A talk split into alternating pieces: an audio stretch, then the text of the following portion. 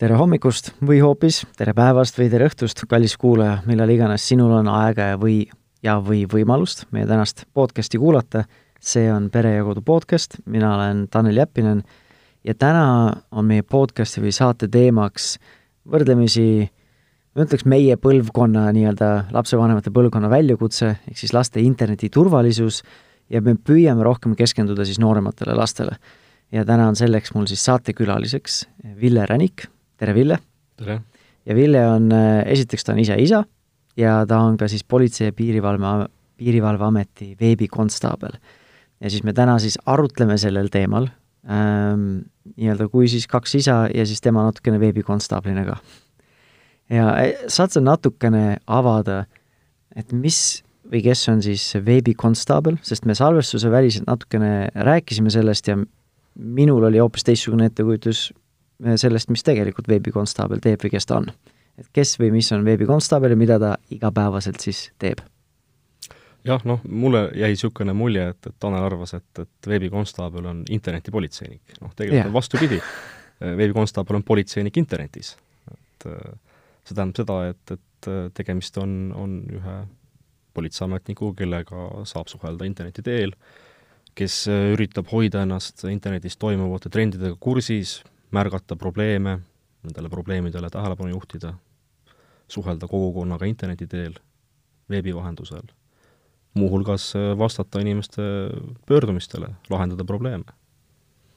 ehk siis äh, see, kui me räägime laste või üldse üleüldiselt interneti turvalisusest, siis see ei ole ainus teema, millega sa tegeled, see on üks osadest, üks teemadest, millega sa tegeled igapäevaselt jah, see on üks teemadest, eks neid teisi teemasid on ka hästi palju.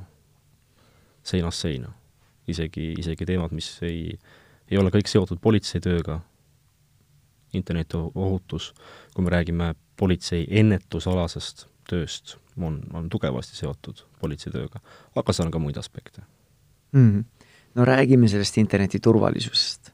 ja räägime. eriti, kui me räägime lapsevanematena või perena, sest noh, kui mina olin laps, enda lastevanune või isegi vanem, olin algkoolis, põhikoolis, siis sellist asju ei eksisteerinud nagu internet või sellisel kujul, nagu ta vähemalt täna on. ja, ja nagu see ei olnud üldse teemaks, äh, interneti turvalisus lapsevanematele, minu vanematele, nad peavad olema teadlikud mingitest asjadest, nad peavad õpetama minule või vendadele, kuidas olla turvaliselt või kuidas käituda turvaliselt internetis, ja mina olen siis kasvanud sellega nagu ise üles ja mingid asjad öö, äh, on nagu lihtsalt külge jäänud, aga ma ei ole nagu õppinud või ma ei ole nagu ekstra uurinud, mis on need asjad, mida ma pean kindlasti tegema. et äh, minu andmed on kaitstud, minu identiteet on kaitstud internetis või ma ei satuks siis mingitesse, ma ei tea, skeemidesse või mind, põhimõtteliselt ei kuritarvitata mind või minu vara või minu andmeid äh,. ehk siis see on lihtsalt kuidagi külge jäänud.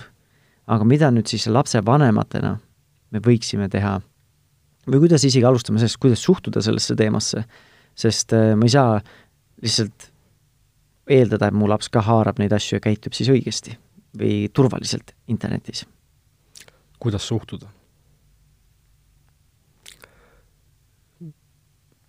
see teema arutelu läheb ju, ma arvan, individuaalseks, et, et eks see sõltub ju tegelikult, äh, sõltub perest, sõltub lapsest, sõltub sellest, millised on selle pere ja selle lapse vajadused internetis Äh, kuidas suhtuda? ütleme siis niimoodi, et, et, et suhtume Internetti ja tehnoloogia arengusse kui võimalusesse, aga mitte kui kohustusesse. ma ise, ma ise ütleks, et võib-olla kui ma nüüd ise sõnastasin seda küsimust, mul endal oli üks põhiline või põhi, üks oluline sõna, mis tuli pähe, ongi see, et teadvustada seda, et see on teema, mitte lihtsalt see, et noh, lihtsalt ma ei tea, annan, nagu me ennem rääkisime ka, et laps saab näiteks, nagu palju täna, tänapäeval ma kuulen, on see, et lapsed saavad kooliealiseks, nad saavad oma esimese nutitelefoni.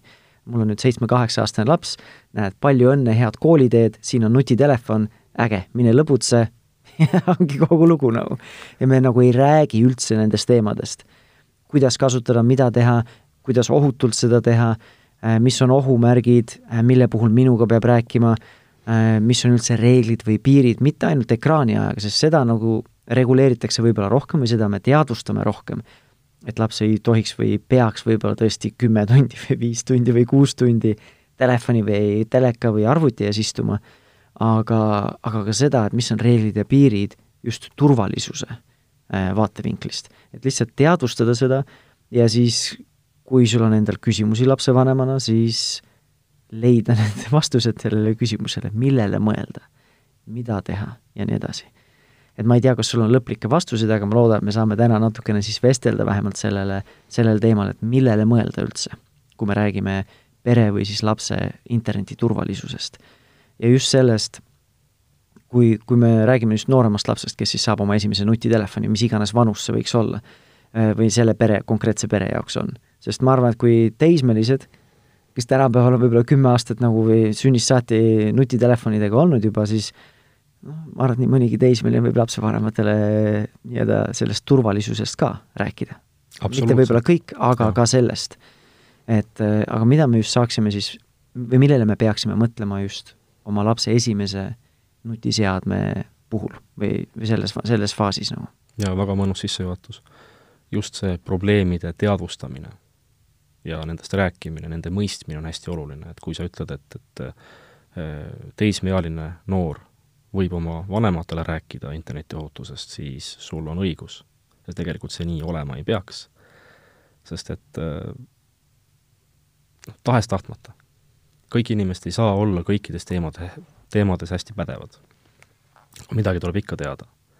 ja, ja just sellepärast, et kui äh, meie, meie lapsed on internetis ja teevad seal asju, mida me ei mõista või mida me isegi ei taha mõista või me, või millest me ei hooli, siis äh, tegelikult on sellest äh, väga kergesti tulema, tulemas kahju.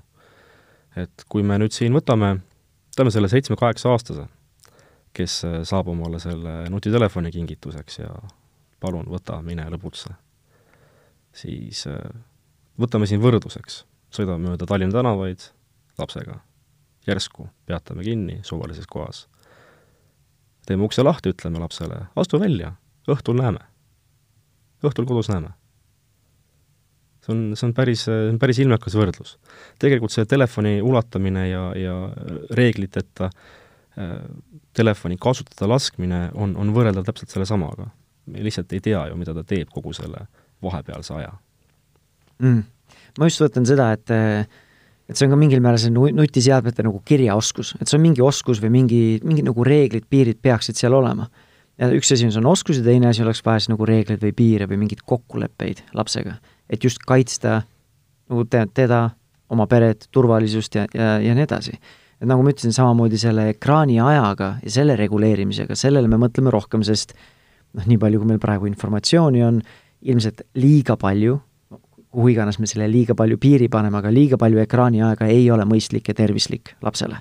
ilmselt ka täiskasvanutele. sellele me mõtleme. aga rohkem sellise muude selliste nagu nutiseadmete oskuste ja turvalisuse peale mitte nii väga, sest minul on endal kodus viie poole aastane laps, kes, kui ma räägin nutioskustest, siis ei ole see, et ta leiab mingi endale vajaliku äpi üles, sest see tuleb väga intuitiivselt ja kiiresti, selle jaoks, seda meil ei ole vaja õpetada nii väga. aga just, kuidas seda turvalisuse eest hoolitseda et kui sina tõid selle liikluse näite, siis minul endal tuli pähe, ongi näiteks jalgratas. ma ostan lapsele, lapsele jalgratta, me töötame koos, et õppida sõitma ja lisaks siis me paneme enda pere riiglid, reeglid paika, mis on nagu natukene ka liikluse eeskirjadest tulnud, et kiiver oleks peas, ja siis kuidas, mis on need liikluse eeskirjad, millest ta peab teadlik olema. et valgusfoori juures peab seisma jääma, sebra juures peab seisma jääma ja nii edasi et teiste liiklejatega, inimestega arvestama ja, ja, ja kõik need muud asjad, et nendest me räägime, aga nüüd, kui me oleme virtuaalmaailma, siis on nagu palju lihtsam, nagu mina ei tea, mitte nendest rääkida või mitte mõelda nendele asjadele, lihtsalt nagu mõelda, et see on loomulik. sest mina sain oma nutitelefoni teismelisena või kahekümnendates, see oli nagu loomulik, kuidagi see asi tuli loomulikult. aga nüüd seitsme-kaheksa-aastane, noh, ta ei ole nii küps inimene, kui mina võib-olla kahekümne-aastasena olin. et äh, mis need teemad siis on, millele me võiksime või peaksime mõtlema? mulle väga meeldib see liikluse võrdlus jalgrattaga. sest et tegelikult äh, sa õpetad lapsele reegleid. reegleid selleks, et tal oleks hea ja turvaline. täpselt see on ka internetimaailmas. ja tegelikult ka kõikide muude erinevate teemade puhul, kui me tahame neid tegevusi või, või, või, või teemasid käsitleda ohutult, eks ole ja, ja kui me räägime, võrdleme siis liiklusohutust kui, kui sellist internetiohutusega, siis selleks, et jõuda internetist punktist A punkti B turvaliselt, tuleb ka üht-teist ju teada. täpselt nagu liikluses. ja, ja internetiohutus on oluline kõigile, sõltumata vanusest.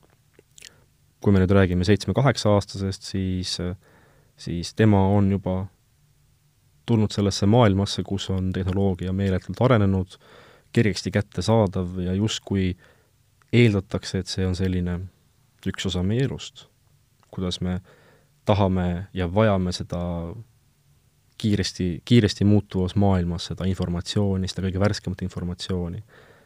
Äh, on, pakub äh, internet meile meeletult meelelahutusvõimalusi, äh, miks mitte ka õppimisvõimalusi, aga kõikide nende võimaluste juures on, on alati mingi oht, mingi risk, et me teeme midagi valesti. juba puhtalt teadmatusest. mis sellised äh, võib-olla suuremad ohud või nende ohtude kategooriad on, äh, millest pea, võiks teadlik olla ja millele siis tähelepanu pöörata? sest mul tuleb ainukene asi, mis pähe tuleb esimesena asjana, tuleb äh, nii-öelda isiklikud andmed, identiteedivargus ja mingid sellised asjad, kui ma räägin internetiohutusest. ja nüüd, kui me räägime lapsevanemast, siis me oleme varasemates äh, podcast idest rääkinud just äh, nii-öelda sellisest nagu seksuaalkuritarvitamisest või ongi just see, et kui lapsed mängivad internetis mingeid mänge, siis sagedasti need, kes esitlevad ennast teise lapsena, ei pruugi olla teised lapsed, on ju. et see on nagu üks ohuallikas. aga mis on veel sellised ohuallikad või kategooriad, mille, mida võiks lihtsalt teadvustada iseendale lapsevanematena? noh, need nimetatud probleemid on tegelikult juba, juba sellised suuremad ja sügavamad probleemid. lapse puhul peaks alustama siiski hästi lihtsatest asjadest. noh, praegu on hästi aktuaalne teema on ju kätepesu, hügieen. aga räägime siis digihügieenist, küberhügieenist. alustame lapse puhul sellest, et äh, me õpetame teda selles keskkonnas turvaliselt siis küberhügieeni mõistes käituma. Äh, see võiks alata ka kõige lihtsamatest asjadest. puhtalt juba näiteks see parool, mida on vaja peaaegu et igal pool kas või selleks, et logida kas siis stuudiumisse või e-kooli sisse. kes peaks seda parooli teadma? nii, kes peaks ma küsin sinult. No laps ise võiks teada ja mäletada seda. kindlasti. ja kui on väga noor laps, no siis on juba enda pere selline väärtuste küsimus, et ma ei, tunnen, et kui mul oleks teismeline, siis oleks natukene isiklike piiride ületamine, kui ma nõuaksin, et mu teismeline jagaks enda igast erinevate kontode paroole Äh, aga kui mul on seitsme-kaheksa-aastane laps, siis ma arvan, et see on nagu mõistusepärane, et ma tean tema parooli, olgu see siis mingi mängus või, või siis ongi e-koolis või kuskil mujal. Jah, et äh, juba puhtalt võib-olla sellepärast, et et äh, selle seitsme-kaheksa-aastase parooli teades, kui tema selle ära unustab, äkki mina tean seda, äkki mina mäletan seda, ja, ja me saame ikkagi sellele sisule ligi mugavalt, ilma parooli taastama hakkamata mm.. aga nüüd selle sama asja teine pool, kes teine ei pool. peaks teadma või kes, kelle, kelle asi see ei ole? see kindlasti ei ole pereväliste inimeste asi. näiteks isegi sõber, pinginaaber, äh, hea naabripoiss, tema ei peaks teadma sinu parooli. mitte ühtegi parooli. siin on nüüd juba üleüldine selline digihügieeni teema, et kas paroolid peaksid olema äh, igal pool erinevad või siis võiks olla üks sama parool igal, igal pool peaksid olema erinevad. samas äh, tegelikult see, see teema, see teema, see teema on pisut häiriv. see teema, see parooli teema on pisut häiriv selle osas, et, et et äh, kui me räägime täiesti ametlikest nii-öelda kivisse raiutud reeglitest, siis parooli peaks vahetama neli korda aastas ja igal pool tuleks kasutada erinevat parooli kui ma hakkan mõtlema enda sotsiaalmeedia käitumisele ja kontode arvukusele, siis mina vajaksin aastas võib-olla sada viiskümmend parooli. seda on päris palju. ja, ja see kui, sage-, sagedus, et see parool läheb meelest ära, see on nagu lihtsalt see nagu oh, ja mis siis, mis siis teha, on, on, on erinevaid paroolihaldureid, eks ole. ma võiksin äh, endale alla laadida mingi turvalise äpi, kõik need paroolid sinna kirja panna ja hoian kõiki oma paroole ühe master parooli taga, aga mulle isiklikult ei meeldi see kontseptsioon. võib-olla olen rohkem niisugune vanakoolimees ja, ja mulle meeldiks rohkem, et mul on ikkagi kodus äh, kahesaja viiekümne kilone seif, kus ma olen selle võib-olla paroolide kogumiku endale üles kirjutanud. aga noh, see on jällegi selline, see on selline teema, kus tuleks leida mingeid mõistlikke lahendusi. ära, ära tööta, nagu inglise keeles öeldakse, et don't work harder, work smarter, eks ole äh,.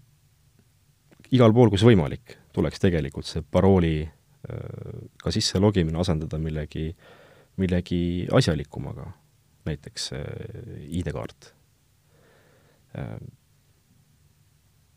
samuti, kui me räägime küberhügieenist või küberturvalisusest, siis igal pool, kus vähegi võimalik, ei peaks olema sisselogimine tagatud ainult, ainult parooliga. kas sa oled kuulnud, mis asi on kaheastmeline autentimine?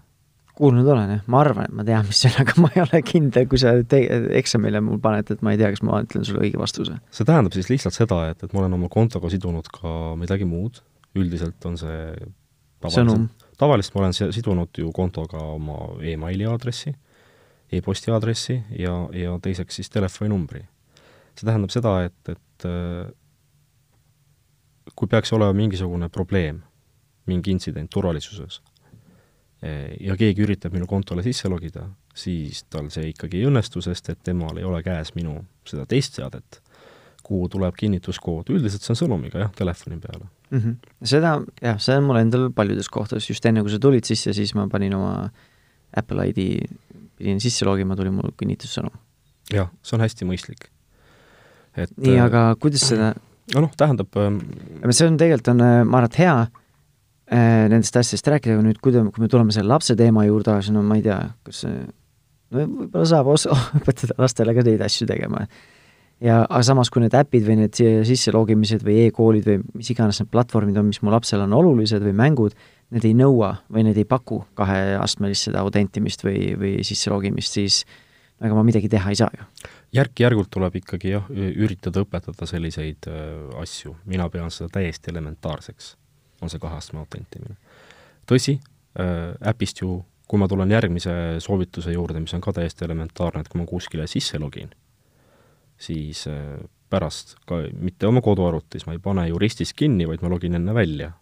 ka oma koduarvutis? ka oma koduarvutis. see on äh, lihtsalt puhtalt juba sellepärast, et äh, mul oleksid normaalsed harjumused, õiged harjumused. kui ma teen kogu aeg ühte asja samamoodi, siis ma ei eksi võõras kohas. aga kui ma kodus login sisse, kasutan, panen ristist kinni ja seejuures ütlen endale, et aga ma võõras kohas ma ei tee nii siis ükskord ma satun kooli arvutisse, olles seitsme-kaheksa-aastane näiteks, ja läheb meelest ära, jääbki sisse logi-, jääbki sisse logituks ma sada protsenti saan aru, mida sa räägid, aga ma isegi ei pane ristis kinni, ma panen arvutikaane lihtsalt kinni, siis kui ma homme lahti teen, siis mul on kõik asjad olemas ja lahti jah, noh, see on ju tegelikult täpselt sama. lihtsalt äh, seda enam, et, et äh, su arvuti töötab, võrdleme, ma toon sulle ühe võrdluse. võtame, võtame su telefoni, võtame selle maha kõik paroolid, kõik, kõikvõimalikud erinevad autentimisvahendid, niimoodi, et ma võtan su telefoni kätte, vajutan, juba näen sisu. ja jätame selle Tallinna kesklinna vedelema. huvitav, mida kõike sellega teha võiks, suvaline leidja. hea inimene muidugi annab ju teada, politsei tuleb, vormistab leiu ja, ja see jõuab ikkagi turvalisesse kohta, aga alati ei pruugi see nii olla. ja sama on ka selle, selle arvutikaane kinnipanemisega, iga kord ei pruugi nii hästi minna. muidugi asi läheb ju süvitsi selle, ma, ma saan juurde, aru sellest, et see on nagu lapsele eriti, noh, ilmselt ka täiskasvanule, aga ongi, lapsel on eriti lihtne, sa teed selle lihtsaks, mustvalgeks, mitte ei ole see, et näed, kui on selline olukord, siis sa ei pea kinni panema, kui sa oled selles keskkonnas, siis sa pead välja logima, et ongi, et sa alati logid välja see on nagu lihtne seda järgida, et ja, ei ole mingi tingimus, et siis, kui on mingi selline tingimus, siis on üks reegel, teine tingimus on teine reegel, et sellele, noh, tegelikult on täiskasvanule ka seesama oluline, aga lastele eriti minu arust, eriti noorele lapsele, et on lihtne reegel. kui sa lõpetad kasutamise ära, siis sa logid välja.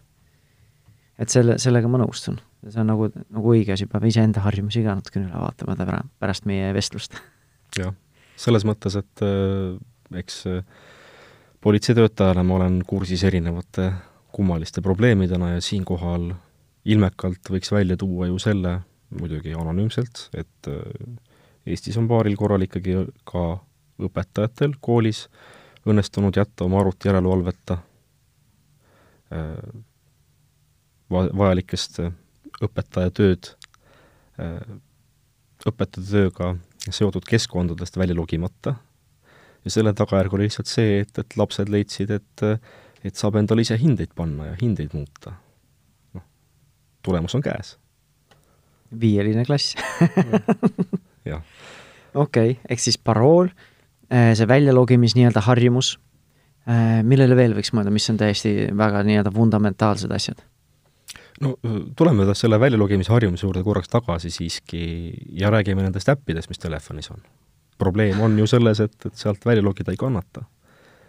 samas suurematel sotsiaalmeediaäppidel ikkagi on ju funktsioonina sees see kaheastmeline autentimine e, ja, ja, ja muud erinevad sellised turvaseaded, et sa võid ikkagi ju pärast näiteks Facebooki puhul jälgida seda, et, et kust sa oled sisse logitud, sund välja logida mingitest võõrastest seadmetest ja nii edasi aga see on jälle, see on nii-öelda paras ikka leidmine ja nagu teadlik asi, et kuule, ma noh, regulaarselt, ma, ma ei lähe iganädalaselt sisse, vaatan, kuule, kus seadmetes ma olen sisse loginud, ma tean seda kohta, aga noh, ma ei lähe, mul ei ole seda harjumust, et iga nädal vaatan, kuule, kus ma olen sisse loginud oma kontoga. jah, ei, selles mõttes ikkagi ei, ei peaks olema sellist ja noh, sotsiaalmeediakanalites ongi, see on täiesti eraldi teema, sest Euroopa Liidu seadusega alaealised või mitte alaealised, algkoolilapsed kindlasti ei tohi, ei peaks tegema nii-öelda neid kontosid, mis ei tähenda, et see on reaalsus. jah, ma tahtsin just öelda, et, et kui me täna keskendume sellele, et, et ega nendel algklassi lastel ei ole neid kontosid, siis me noh, valetame iseendale siin korralikult. ja sagedasti nii-öelda need jutumärkides noorte äpid ja sotsiaalmeediakanalid on need, mis äh, on hoopis teised, mida meie võib-olla ise oleme harjunud kasutama et mina võib-olla kasutan Instagrami, Facebooki, siis nagu noh, näed, noortel on see, et see on mingi dinosauruste oma juba vaatavad, teevad oma TikToki või veel mingit kolmandat asja, on ju või neljandat asja, et siis sellest me oleme varem nagu rääkinud ka siin podcast'is, aga oluline on, et ma ei tea, kas oluline, ma ei, ma ütleks ikkagi, et oluline on lapsevanemal olla ise ka kasutaja nendes kanalites, et ma tean, mis need teevad, ma tean, mis on need seal, kuidas need töötavad, toimivad, mis on potentsiaalsed ohukohad äh,.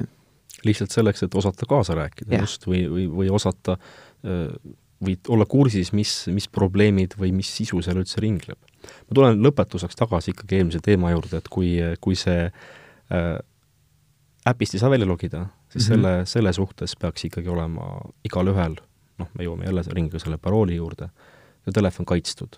et, et seitsme-kaheksa-aastase lapse telefon ei, ei peaks olema selline, et, et kui igaüks kätte võtab, siis saab kohe ligi. sinna tuleks ikkagi panna mingisugune, mingisugune, mingi tõke, tõkend tuleks panna kõige lihtsam on, on äh, kas parool või sõrme, sõrmejälg. või noh, näotuvastus, oleneb, mis see telefon sul on, jah, noh, seda isiklikult ma ei ole veel proovinud, äh, sõrmejälg on päris hea, kui selline variant on. aga muidugi ekraanimuster kõlbab ja, ja kõik see, kõik need variandid, mida telefon pakub, on parem kui on, mitte midagi. parem kui mitte midagi, tõesti äh,. Sellega seoses, kuidas, kas ilmselt peaks, aga äh, ma ei tea, kas, ega sul ei ole mingeid lauseid öelda, mida sa nüüd ütlema pead, aga oluline märk, märkida, et ilmselt peaks rääkima ka sellest, millest me rääkisime alguses, paroolist, et see on samamoodi privaatne, et sa siis seda telefoniparooli hoiad ka samamoodi Just, nagu enda teada. absoluutselt, see on, see on ainult sinu enda teada. või sõltuvalt siis perekonnas kehtivatest kokkulepetest ka lapsevanema rida jaa, no lihtsalt, et mainida seda, et ongi, kui sa sõprade juuresolekul telefoni lahti teed, sa ei pea hullult demonstratiivselt seda hõlma alla panema, aga lihtsalt teadvustada endale seda, et see on sinu teada, et sa ei pea nagu seda kuidagi väga avalikult oma koodi sisse panema, on ju. jah, ja lapsevanematel võib-olla teadmiseks, et eks turul on ka igasuguseid tooteid ju, väga levinud on see, et, et telefonidele, nutitelefonidele pannakse peale kaitsekile, on äh, täiesti Need kõrvalt ei näe seda nii hästi. sellised kaitsekiled, mis on kõrvalt vaadates lihtsalt äh, näib, et ekraan on tume ja kõik on nähtav ainult otse vaadates. sellist asju tasub, tasub kasutada, see on, see on parem kui, parem kui tavaline toraklaas mm. -hmm. see loob sellist ikkagi turvalisemat tunnet, et ainult mina näen seda, mida ma tahan näha. keegi teine ei näe minu telefoni sisu kõrvalt vaadates. jaa, kas või bussis keegi, kes kõrval istub ja võib-olla piilub sinu poole ja ei, ta ei näe. On... selja tagant näeb, jah, selle vastu ei saa saab, saab ise ees olla, me ei vaata niimoodi kaugelt, on ju, et jah, just, just. okei okay., no need ongi täpselt sellised asjad, mida täiskasvanu võib-olla väga palju ei mõtle ja võib-olla teed isegi täiesti intuitiivselt ja automaatselt. aga nüüd lapsele, kui ma nüüd annan selle telefoni, et siis neid, võiks need sammud lahti rääkida ja, ja meelde tuletada iseendale ka. kindlasti tasuks muidugi ka rääkida lapsega, et, et mis on need reeglid ja et, et mida ikkagi mina lapsevanemana tahan, millest ta kinni peaks, mida ta teeks, mida ta ei teeks. et kui me räägime sellest äh, Euroopa Liidu reeglite kogumikust, mille, mille hulgas siis äh, alla kolmeteistaastaste, kui mu mälu ei peta, ei ole sotsiaalmeediasse asja. see on vist niimoodi, et lapsevanema nõusolekul võib teha või ei ole? ei, ei, minu meelest ei ole. okei okay.. eks see sõltub võib-olla sotsiaalmeedia platvormist endast, neid on ju nii palju. aga aga seal mingit takistust ei ole, paned oma sünnikuupäeva lihtsalt vanemaks ja noh. noh, ja ka lapsevanemad ju loovad koos oma lastega kontosid, üheskoos istuvad ja valetavad seal oma vanust suuremaks, selleks, et see konto luua no kui valida üks nendest, kas laps teeb üksinda salaja või me teeme selle koos ja ma olen teadlik sellest, siis see teine variant on natukene parem. see on natukene parem, jah. Äh, mina ise olen seisukohal, et ei ole ju mõtet tegelikult keelata midagi, mille suhtes meil ei ole ise kontrolli. sotsiaalmeediaplatvormid küll mm, konto loomisel üritavad seda äh, nii-öelda libakonto või siis äh, vale vanusega liiga noore inimese kontot äh, piisavalt edukalt kontrollida, aga arvestades, et sotsiaalmeedias, äh, sotsiaalmeediaplatvormides luuakse ikkagi kontosid ju nädalas miljoneid, e, ei, ei ole nende tegevus alati piisavalt tõhus. Ma olen arvamusel, et, et kui äh, meil ei ole võimalik tõkestada noorte sotsiaalmeediasse minekut, siis aga meil on ju võimalik õpetada ja suunata neid ohutumale kasutamisele ja just rõhuda sellele, et, et, et nad teaksid, mida nad seal teevad. nii, me, kui me räägime nüüd sotsiaalmeediakanalitest, mis võiksid olla seal sellised asjad, millest oma lapsega rääkida, enne kui siis äh, nii-öelda siis seda kasutajat teha või siis just sel ajal, kui me teeme, et me oleksime nagu ühel lehel mingite kokkulepetega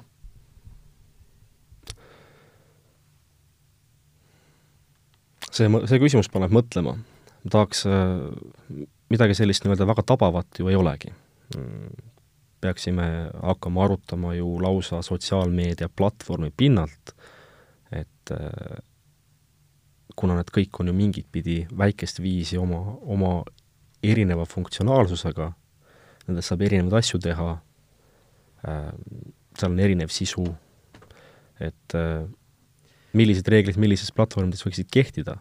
no mina no, ongi tegelikult ma olen jumala pimedas, et ma ei näiteks ei tea, mis on TikTok või mis, mis seal reeglid on, mis seal üldse teha saab, mis on need setting ud või seaded, mida ma saan teha. kui ma räägin näiteks Facebookist, siis kuna ma olen selle kasutaja olnud juba aastaid, siis ma, mina, kui ma peaksin oma lapsele Facebooki konto tegema, mis ma arvan, et kui see aeg kätte jõuab, siis see Facebook on ammu juba nende jaoks nii dinosauruste asi, et nagu ei huvita. et siis tulebki tagasi selle juurde, et lapsevanemal võiks enne see konto olla seal platvormis, et tutvuda sellega, mis on need võimalused, mis on ohud, aga nüüd, kui ma tulen Facebooki peale tagasi, siis on see, mida ma tean, siis ma paneksin lapsega ise privaatsusseaded paika, et kes nende sisu ja pilte näeb, mida nad postitavad, ja siis ma räägiksin oma lapsega sellest, et ta ei võtaks sõbrakutseid vastu inimestelt, keda ta ei tea.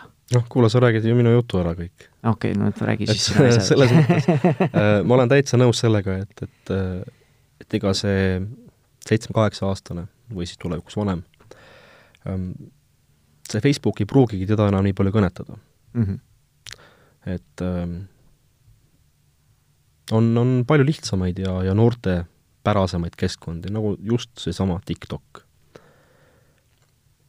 TikToki konto loomine, kui me praegu sinu telefoni ette võtaksime, me saaksime sellega kahe peale hakkama võib-olla minutiga nii lihtsalt üksinda ma ei saaks ei no jah, tähendab, võib-olla sul läheb pisut kauem ära võtta isiklikult, aga ma lihtsalt juba tean, kus ma leian selle äpi ja mis ma sinna panema pean. ja, ja nimelt see on ju hästi lihtne, et tegelikult ma saan selle konto loodud puhtalt oma telefoninumbriga. ma ei isegi ei vaja mitte mingit meiliaadressi selleks, et see konto ära luua. ja, ja see, see, see TikToki äpp on noortele on hästi noortepärane just seetõttu, et ma saan sinna väga kergesti konto loodud, ma saan kohe seda sisu tarbima hakata. et barjääre on vähe? barjääre on hästi vähe. kui nüüd isiklikuks minna, siis mina ütleks, et TikTok ei ole nii kvaliteetne, kui on muud suuremad sotsiaalmeediaplatvormid. Eks seal ole mingeid poliitilisi asju ka, näiteks USA minu arust vist keelas ära selle. sellega on hästi palju lärmi olnud sel teemal. et seal on mingi see... poliitilised asjad, aga samas jälle võib-olla mõtlemiskoht lapsevanemale, on ju. just, et äh, kasutame seda, seda müra ära ja üritame seda lahti selgitada ja üritame siin minutiga hakkama saada, vaatame, kuhu jõuame. TikTok, Hiina äpp, Hiina, kommunistlik riik. kommunistlik riik üritab läbi erinevate jälitusseaduste omada kontrolli riigis registreeritud ettevõtete üle, seega Hiina sisuliselt äh, võtame asja siis väga mustades valgustes, väga mustas valguses, äh, sisuliselt äh, võiks ligi saada kogu sellele infole, mis on selle äpi kaudu sinu telefonis saadud. seega, ja kuna TikToki äpp telefoni paigaldamisel küsib hästi palju erinevaid e erinevaid nõusolekuid erinevatele infokillukestele ligi saada, siis sisuliselt me võime eeldada, et, et, et see Hiina ettevõte ja seega ka Hiina valitsus omab päris selget ülevaadet sellest, et mida, kuidas mina oma elus üldse teen. sest et sotsiaalmeedias on, on meie eludest üks suur, suur jalajälg, eks ole, mida me teeme, kui palju me teeme. tuleme tagasi sellesama asja juurde, et, et Äh, mis siin varem veidike läbi käis, et äh, kui palju meie sotsiaalmeediat kasutame, viis tundi kuni kümme tundi päevas. kui ma olen seda küsimust noortelt küsinud koolis, siis äh, need vastused on täitsa ausalt sinna kuue ja kümne tunni vahele päevas sotsiaalmeedias või internetis üleüldiselt. no enamus seadetest sa isegi ei pea arvama, sa saad minna enda screen time või mingi sellise analoogse äpi juurde, ta ütleb täpselt ära, kus sa selle aja ja kui palju tundi sa nädalas või päevas oled veetnud või mingis just, äpis. Aga see, mis sa sul põikamisi mööda käisid, ongi see, et mis on nagu minu jaoks ohukoht, eriti kui me räägime noorematest lastest, on see, et paljud äpid, tulebki mingi väike pop-up aken ja sa pead mingi õiguse talle andma. ja mis see laps nüüd, kui ta ei oska inglise keelt, siis nagu ta ise ka ei tea, millele ta õiguse annab. ja pärast mina lapsevanema ka võib-olla ei tea, millele ta õiguse andis sellele äpile. just, noh, ütleme, küsime siis sinult. kui sa kunagi omale seda Facebooki kontot lõid, sa pidid ka panema linnukese et sa oled nõus mingite tingimustega. kindlasti sa panid seal linnukese. noh, muidu mul seda kontot ei oleks. kas sa tead, mis seal kirjas on? ei no ilmselt on nad seda muutnud ka vahepeal ja email'e saatnud, me muutsime neid asju ja kui sa vist, ma ei tea, kas sa pead uue linnukese panema, ei, ma ei tea, mis seal on mina ka ei tea, selles mõttes, et ega, ega selles mõttes äh, ma olen päris, päris kindel, et äh, üle üheksakümne üheksa protsendi Eesti inimestest ei tea, mis seal kirjas on. sest et seda lugeda üritades äh, tundub see hästi selline bürokraatlik, mitte midagi ütlev pikk tekst. nii, mis selle lahenduseks oleks siis või millele, mis, millele see lapsevanem võiks mõelda? kas näiteks kas või seda, kui äh, ma teen lapsele konto, et me teeme koos selle konto või läpi äh, la-, laadime või installime selle äh, telefonisse selle äpi koos, sest enamasti neid õigusi küsitakse alguses. et siis ma vähemalt tean, mis seal toimub noh, üritame seda asja ikkagi lihtsalt lahendada no.. Ähm, igas keskkonnas omad reeglid, eks ole. tegelikkuses äh, nii palju, kui mina neid erinevaid, äh, erinevaid äh, nõusolekuid, mida küsitakse, olen lugenud kontode loomise puhul, siis see on niisugune tegelikult ongi üks bürokraatlik fragment, millega tuleb nii või teisiti nõus olla. päris need reeglid on kirjas siiski kuskil mujal. et äh, seega, kui on soov midagi kasutada, siis peaks ikkagi eelkõige lähtuma ju sellest, et et noh, sellisest nagu sisemisest tundest, kuidas on asjad õiged. nüüd tuleme sotsiaalmeediasse, mis mulle tundub, noorte puhul eriti, see ei ole enam seitse-kaheksa, see on võib-olla pisut vanem võib-olla tõesti juba selline ikkagi algklassi lõpu mm, vanuse probleem, aga, aga mida aeg edasi, seda, seda suurem see probleem on. et, et sotsiaalmeedias noored tunnevad ennast kuidagi anonüümselt, kuidagi, kuidagi teisiti, kui nad, nad, nad esinevad ja käituvad ja, ja väljendavad ennast erinevalt sellest, kuidas nad päriselus avalikus kohas teeksid, eks ole. no seda teevad ka paljud täiskasvanud, kui sa vaatad anonüümseid kommentaariume kuskil, ma ei tea, ajalehtedes või kus iganes, et Delfis või? jaa, see on üks selline praeguse ühiskonna suur probleem.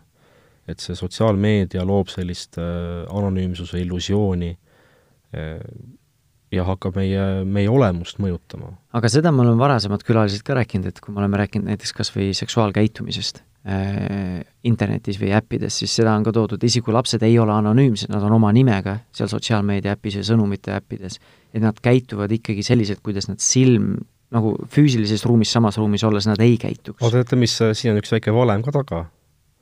kaugus võrdub, ei, sorry, vastupidi, julgus võrdub kaugus kuubis julgus ja kaugus on omavahel mingisuguses seoses järelikult. Tundub mõistlik või loogiline vähemalt, on ju. äh, sotsiaalmeedia ju distantseerib inimesi. me ei ole, ei ole mingit vahetut suhtlust näost näkku. ja kas ongi seesama julguse küsimus, et, et äh, et üldiselt äh, inimesed ei ütle üksteisele näost näkku vastikuid asju või, või sellist teravat kriitikat. või kohatuid asju. või kohatuid asju. sotsiaalmeedias tehakse seda väga palju see on, see on käitumishälve tegelikult, väga lihtsalt. Mina olen noh, mina olen tugevalt sellel arvamusel, et et käitumine ei peaks mitte kuidagipidi erinema päriselus ja sotsiaalmeedias. ma olen see, kes ma olen siin täna, praegu, ma olen seesama inimene ka kaks aastat hiljem sotsiaalmeedias. et seal ei tohiks olla niivõrd e-, suurt erinevust teoorias lihtne teoorias lihtne, jah. ja ma arvan, et isegi väikelaste puhul võib-olla see ongi nii. aga mingist vanusest hakkab võib-olla tulema sisse see, et ma tahan presenteerida ennast teisena või teistsugusena. jah, küsimus on see, et kus on see mõistlik piir, eks ole. kunstnikud ja kirjanikud loovad ka endale ju esineja nimesid. et selles me ju halba ei näe no eks see tule, ongi see taktitunne ja selline eetilisus ja, ja moraalsus ja see ongi see, see ongi seesama jutt, mida ma räägin, et, et, et mis me loeme neid kõiksuguseid neid nõusoleku vorme. Kui meil on siin, siin selles regioonis levinud see, et kasutatakse just seda sotsiaalmeediakontot või sotsiaalmeediaplatvormi, siis tõenäoliselt ei ole mulle väga vahet, mis seal nõusoleku vormis kirjas on. ma panen selle linnukese, ma kasutan seda, aga kasutagem seda siis normaalselt ja mõistlikult. Mm.. noh, sotsiaalmeediad, rääkisime paroolidest, rääkisime, mis, mis veel võiks olla? sellised äh, nagu fundamentaalsed asjad, millega võiks lapsega, lapsega rääkida. no sotsiaalmeedias ilmselt ka, et mis on, mis on informatsioon, mida on sobilik kasutada või jagada sõpradega ja mis mitte. või ükskõik, kui keegi teine sõber, võõrase näiteks küsib, on ju, et isikuandmed, äh, kui me läheme sellesama seksuaalteema juurde, et ongi, et oma pilte mitte võõrastele saata, võib-olla üldse nagu mõelda, kas sõpradelegi saata, sest noh, mis on internetis, see, nagu ilmselt on seal. just, ega see see nagu tagasi sa võtta enam ei saa, kui ke-, kellegi teise telefonist ta on, on ju.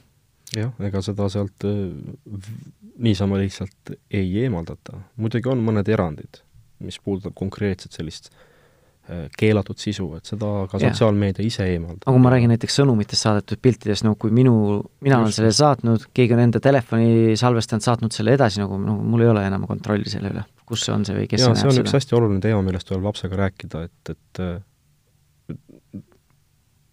need pildid, need videod, mida lapsed teha võivad oma selle uue vahva nutitelefoniga, millel on väga hea kaamera mis on selle, mis on nende piltide või videode eesmärk, mis on selle sisu ja kvaliteet, et kui, kui see kuskil üles laadida või kellegi edasi saata, siis laps peab mõistma, et temal puudub igasugune kontroll selle edasise leviku osas. eile tõin lapse koolist koju ja, ja näitas mulle telefonis ühte pilti, muuhulgas siis vaatasin, mis tal seal galeriis veel on, olid seal teinud pika, pika rühma äh, tunnis olid teinud mingit videot klassikaaslastega. noh, seal oli juba vägivallailminguid selles videos, rusikaga löömist. noh, mitte küll päriselt, aga sellist nagu, nagu nagu näitlemist või teatraalset nagu, nagu, nagu teatraalset sellist näitlemist äh,. täiesti sisutu, kvaliteeditu äh,, kohatu äh, video, aga mida võib üks kaheksa-aastane teha sellise videoga kui ta avastab, et, näed, et tal on, tal on veel wifi telefonis ja ja, ja mida kõike ta teha saab. tema, tema võtab seda kõike naljana, ta ei mõista seda sisu, kui talle sellest ei räägita. ja, ja on, on, on ka näiteid, kus sellist laadi äh, läbimõtlematu video jõuab YouTube'i. siis jõuame jälle ringiga tagasi sinna, et, et et need paroolid, kasutajakontod, ma ei tea seda parooli enam, ma ei mäleta, kuidas ma selle konto endale tegin. ja, ja nii mõnigi video lihtsalt jääbki kuskile rippuma, sest et ligi selle enam ei saa, maha võtta seda enam ei saa äh,, video ise pole ka mingi sellise sisuga otseselt, et äh, väärtust nagu ei loo. et, et keskkond selle ise mingisuguse teadaande peale eemaldaks, aga lapsele on see häiriv, eriti kui see video on leitav mingit pidi ka tulevikus äh, mingite otsinguparameetrite järgi näiteks. ja see on noh, teine teema on juba, siis tuleb see isik, isikute teema, kui teised inimesed, kes seal videos on, ei ole soovinud või ei taha olla seal video peal või ei taha olla avaliku video pealt, kui jälle just, nende just. õigused ja nii edasi. noh, la-, väikeste laste puhul ilmselt see ei ole teemaks, aga no tänapäeva ühiskonnas on jälle teemaks seesama see tühistamise kultuur, et kui inimesed võetakse liistule viis või kümme aastat äh, tehtud sotsiaalmeedia postituste pärast ja jäävad tööst ilma selle pärast või ei saa ülikooli selle pärast, nagu USA-s on olnud, et siis samamoodi ka, et nagu laps, noh, tal ei ole seda filtrit mõelda, mis on okei okay ja mis ei ole okei. Okay mida postitada, et jälle nagu ma ei oskagi, siin ei olegi vastuseid, aga lihtsalt nagu lapsevanemana vähemalt mõelda selle, sellele, kas laps on üldse küps, et teha neid otsuseid ja neid valikuid.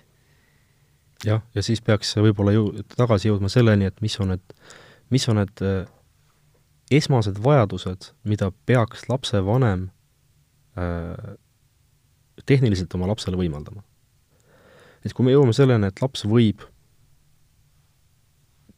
teha mingit laadi sisu, luua mingit laadi sisu, mis äh, võib tekitada hilisemalt probleeme, aga miks me siis anname üldse talle selle võimaluse? miks ma panen lapse keskkonda, kus ta, noh, tal ei ole oskusi ja võimekusi ja küpsust teha õigeid valikuid või häid või, valikuid? või, või kui ta ei ole um, selles vanuses suuteline mõistma eh, süvitsi neid probleeme. tegelikult me jõuame ringiga tagasi sellesama asja juurde, et kas seitsme-kaheksa-aastane üldse vajab nutitelefoni. mis no. on selle plussid-miinused? no lõpetame sellega, siis mis on plussi-miinused, aga oleks võinud sellest nagu alustada, et noh, minul, minu lastel ei ole äh, nutitelefoni. Ja nema, nendel on ligipääs aeg-ajalt minu või naise nõusolekul minu ja minu naise telefonile. enamasti nad vaatavad seal Youtube'i äh, või on siis mingid äh, õppimisäpid, paar tükki. ja ega ma olen ise samas olukorras, et kui ma mõtlen nagu miks ma peaksin seda tegema. mul lapsed veel ei nõua neid, aga noh, varsti, kui sõpradel on kõigil telefonid, siis võib-olla hakkavad nõudma või küsima, on ju. jah, eks seal on see surve, surve on taga. Ma, mind lapsevanemana ma tunnen, on ju, võib-olla pannatakse olukorda, kus ma nüüd pean tegema midagi, millega ma võib-olla ennast mugavalt ei tunne. ja see ongi jälle see, et kas nüüd ma olen oma ebamugavustundest üle või ma võtan selle riski, et laps mingis ringkonnas tunneb ennast tõrjutuna ja väljajäetuna, sellepärast et ta on võib-olla ainukene või vähene, kes ei ole. sellest me oleme varem siin podcastis rääkinud ka, et siis hea viis sellest rääkida ongi, või hea oleks rääkida sellest oma laste lähedaste sõprade, vanematega. Et teeme kollektiivselt mingid asjad, võib-olla otsused, või saame arutada neid, neid teemasid. aga ega seal ei ole ju sellist noh, vahepeal tuleb teha valikuid, valin kahest halvast natukene vähem halva siis. jah, väga, väga palju, väga palju mõtteid, küsimusi. kahekümne esimese sajandi lapsevanema rõõmud no kuidas, sagedasti kui kuidas hoida tasakaalus seda turvalisust ja usaldust? on, on, on keeruline. kui me nüüd jõuame selle, nende plusside ja miinusteni, siis igatepidi on ju, on ju nutitelefoni pluss see, et äh, juhul, kui midagi peaks juhtuma, ma saan ju lapse asukoha teada, eks ole. Kui sa oled selle loa andnud enda tele-, endale nagu ta lapse telefoniga. noh, samas on jällegi see mõistlik aga see on kui, enamasti kui ma... üks põhilistest plussidest või põhjustest, miks vanemad ütlevad, et nad võiksid või peaksid ostma. kui on juba selline seade, siis on mõistlik sellist funktsiooni kasutada, eks ole. jälle ongi privaatsuse teema, seitsme-kaheksa-aastase puhul ma näen, et see on okei okay., viieteistaastase puhul natuke võib-olla privaatsuse nii-öelda piirist üleastumine, on ju. no viieteistaastase puhul on ka, on ka vanus suurem, rohkem on mõistust peas ja ma ta ei saa peaks... isegi võib-olla sundida seda, sest ta oskab seda ise maha võtta nagu jah, ikkagi peaks siis äh, rõhutama sellele usalduslikule ja. suhtele ja lugupidamisele kahepoolsele, et, et eksisteerivad reeglid, kinnipidamine, aga noh, teoorias on see kõik muidugi hästi lihtne. ja, ja no see tulebki pere väärtustest ja omavahelisest suhtest. et seda väljaspoolt on nagu raske öelda, et nüüd sa pead nii tegema või sa ei tohi nii teha. aga, aga see on üks suur põhjus, miks noortele või väikestele lastele ostetakse see telefon, et siis lapsevanemal on otse kui nagu mingi kindlustunne, et ta näeb ja teab, kus laps on. ja teine just. on siis, tal on võimalus iga hetk lapsega kontakti saada no, ja vastupidi ka. jah, selles mõttes, et, et kui võtta nüüd ikka see esimese-teise klassi laps, siis äh, põhiline eesmärk telefonil on ju kontakteerumine. laps hakkab käima üksi koolis, jõudma üksi koju, tõenäoliselt ta võib seal olla mõne tunnikese äkki üksi ka tal tekib erinevaid probleeme, erinevaid äh,, erinevaid küsimusi, neid tuleb lahendada jooksvalt. seega see, see telefon on tõesti hästi oluline. Kui mina olin noorem, esimeses-teises klass, kolmandas klassis käisin, mul oli telefonikaart, ma sain koolis helistada. kui mul oli vaja, ma sain äh, telefoniautomaadist helistada, eks ole. aga noh, ega neid auto, automaate enam ju kuskil ei ole ja, ja ega neid kaarte ka enam ei ole, nii et kaart on jah ainult, ainult, ainult kogujate käes. aga noh, see telefon, tavaline nuputelefon, kõige elementaarsem asi, mis ikka lapsel peaks olema. samas on jällegi ka see, et, et kui, kui laps elab kooli kõrval, siis tal seda telefoni ju koolis vaja ei olegi. No ma arvan, et need plussid-miinused on vanematel selles mõttes nagu endal nagu okei okay,, et selged, aga sagedasti ikkagi on see sõpruskonna surve, et nüüd kui minul on ainukesena nuputelefon, no ma olen mingi ma ei tea, tossikene või mis iganes keegi silti tahab panna või seal ringkonnas pannakse või seltskonnas pannakse, et just see ikkagi nagu see surve.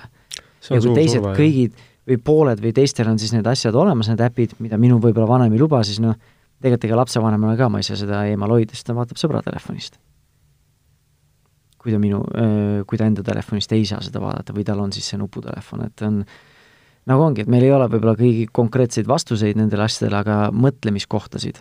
ja hea olekski võib-olla oma lapse sõprade ja vanematega lihtsalt arutleda nendel teemadel. võib-olla kõige olulisematel teemadel, mis sinu pere jaoks kõige olulisemad on. või kuidas sa ise tahaksid kokku võtta või meie südamele panna lapsevanematele? Lapsega tuleb hästi palju rääkida. Hmm. Ja, ja üritada olla, olla kursis nii tema, nii tema hirmude, rõõmude, vajaduste, soovide, vajaduste, soovide, tahtmistega ja üritada jõuda, jõuda mingitele kompromissidele. kõike ei saa ju tagada. kõikidele äh, soovidele ei, ei peagi järele andma, aga, aga laps peab aru saama ja mõistma, et, et temaga arvestatakse, tema, tema vajadusi võetakse kuulda aga ta peab ka mõistma seda sealjuures, et, et äh, erinevate õiguste ja võimalustega kaasnevad kohustused ja reeglid. ja, ja see ongi niisugune selline kogum, kus tuleb hoida äh, mõistlikku tasakaalu. selleks, et oleks turvaline mm. no ma loodan, et kui mitte midagi muud, siis see tänane kuulaja sai vähemalt mõtteainet ja ei oleks siis seda olukorda, et ma annab või ta annab siis oma lapsele äh, see väike, väiksele algkoolilapsele nutitelefoni ütleb, et hei, mine ja lõbutse, tee, mis tahad, põhimõtteliselt nagu sõnum on see, et tee, mis tahad ja mine seikle seal kuskil internetiavarustes. et vähemalt avab neid vestlusi kas või vanemate ringis või täiskasvanute ringis, mis on meie jaoks olulised teemad. kuidas me saaksime nendest äh, teemadest lapsega rääkida, kuidas ja kas me peaksime reguleerima lapse nutiharjumusi ja seda äh, nutihügieeni või seda turvalisuse hügieeni. jah, võib-olla tooks siis juurde selle, et, et, et ja digipädevus ja sellised mõistlikud ja vastustundlikud käitumisharjumused on, on tõesti hästi olulised eh, just internetis. et eh, see internet ja sotsiaalmeedia ja, ja see, mida telefon pakub, on, on enamasti hästi meelelahutuslik peamiselt. kasutatakse ka loomulikult õppeotstarvetel, aga, aga vähem. ja, ja anda lapsele see seade kätte selleks, et oleks kuskil vaikselt omaette, lärmi ei teeks, see kindlasti teda ei arenda. muidugi see on, on nüüd keeruline küsimus, et, et lapsevanemal, kellel on üks laps, ongi see suurem probleem, et, et kuidas pakkuda lapsele tegevust niimoodi, et, et, et kõik pereliikmed oleksid rahul. Nendel, kellel on rohkem lapsi, noh, mina oma, oma kodus näen, et, et et kodus ei ole seda telefoni nii väga vaja, sest et lapsed sisustavad üksteise aega. Eks igaüks peabki vaatama, mis pere vajadused ja võimalused ja ja teemad on. aga jah, ma ei saa ka sellest üle ega ümber, et, et ma pean ka oma lastega rääkima, loomulikult, sellistel teemadel, sest et äh, tuleb ka telefon nende mängudesse sisse, nad pildistavad üksteist, teevad üksteisest videosid äh,, seni, kuni ma seda tean ja ma näen seda sisu ja ma oskan sellele reageerida ja kommenteerida ja suunata, pole sellel ju mitte midagi ebanormaalset, see on normaalne areng, nii nad, nii nad õpivad. aga, aga siis, kui seda tehakse salaja kuskil, ilma minu teadmata või seda varjates, äh, ja seda sisu levitatakse kuskile, siis sellest võib tekkida probleeme ja, ja just nimelt sellele lapsele endale. mitte, mitte läbi lapsevanema pahameele, vaid, vaid läbi selle, et, et ta tunneb ennast ise pärast halvasti, kuna ta ei mõistnud, ei adunud neid probleeme, ei, ei suutnud äh, oletada, millised tõ-, tõenäoliselt tagajärjed võivad tulla. Ja, ja siis on probleem, siis on halb. See on halvasti. Mm.. aga suur-suur aitäh sulle, Ville, selle vestluse eest, sest äh, tundub, et see on selline teema, mis tekitab palju küsimusi, palju mõtteainet ja võib-olla ongi neid küsimusi tänapäeval nendel teemadel rohkem kui vastuseid, aga see võikski olla siis märgiks, et me võiksime, võiksime rääkida oma perekeskis nendest küsimustest või nendest teemadest, et siis leida enda pere jaoks need õiged, õiged vastused või õiged lahendused ja lähenemised. jah, see digipädevus ja, ja lapsevanem, lapsevanemapoolne õpetus lapsele, kuidas internetis või, või telefonis või üldse digimaailmas hakkama saada, on, on hästi oluline. et äh, kui hakkama ei saa, tuleb lihtsalt äh, osata leida lahendusi, osata leida vastuseid.